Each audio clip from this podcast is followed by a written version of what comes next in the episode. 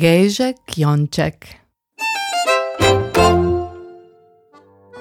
Jednog sta živela moti pa sin. Moti je mesilo kru, mali Jonček pa je furcilo k njoj veščil tudi on mesite. Beži, no beži, gejžek, njemi pravi moti, štero je negli posalo, ko se njoj mota tok pod nogami. V tistom času pa so se godili čudeži dosta bolj pogosto kot gnezdem. Tako se je zgodilo tudi pri toj priliki. Koma je mati pravila svojimi sini gejžek, že je pojeb v istom ipi grado gejž. Gejži pa nimajo mesta pri iži. Zato je tudi gejžek Jonček odišel v šumo, ki si je pod votlo v gruškov skupaj luknju, štero je živo celi sedem let. Za tisto šumov je bil grofovski grad. Te pa se je zgodilo jednog tok, ko je šel grof v lovinu, pa je zablodil v vlogi, pa je nikak ne mogel najti poti v. Dugo je iskal pot v, likijo je nikak ne najšel.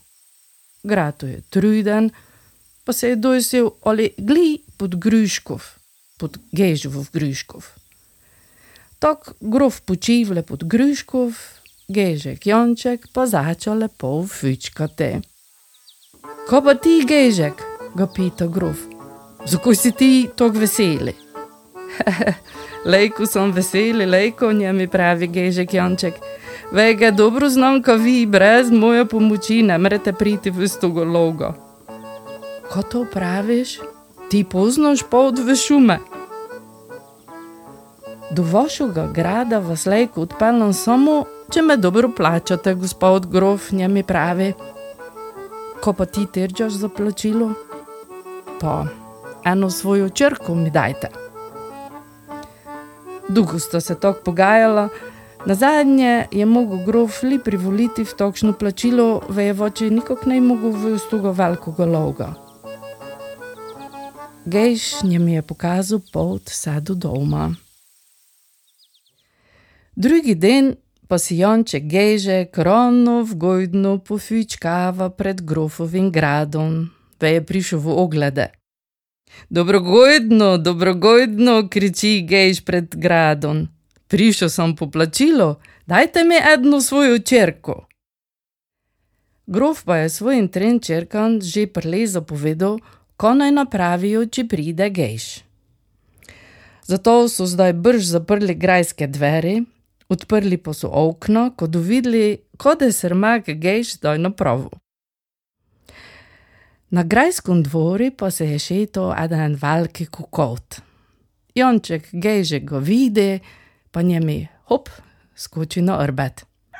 Kukot se z vsaga, pa se z gejžom vretok zaleti gorno okno, pri šterun so vgledale grofične.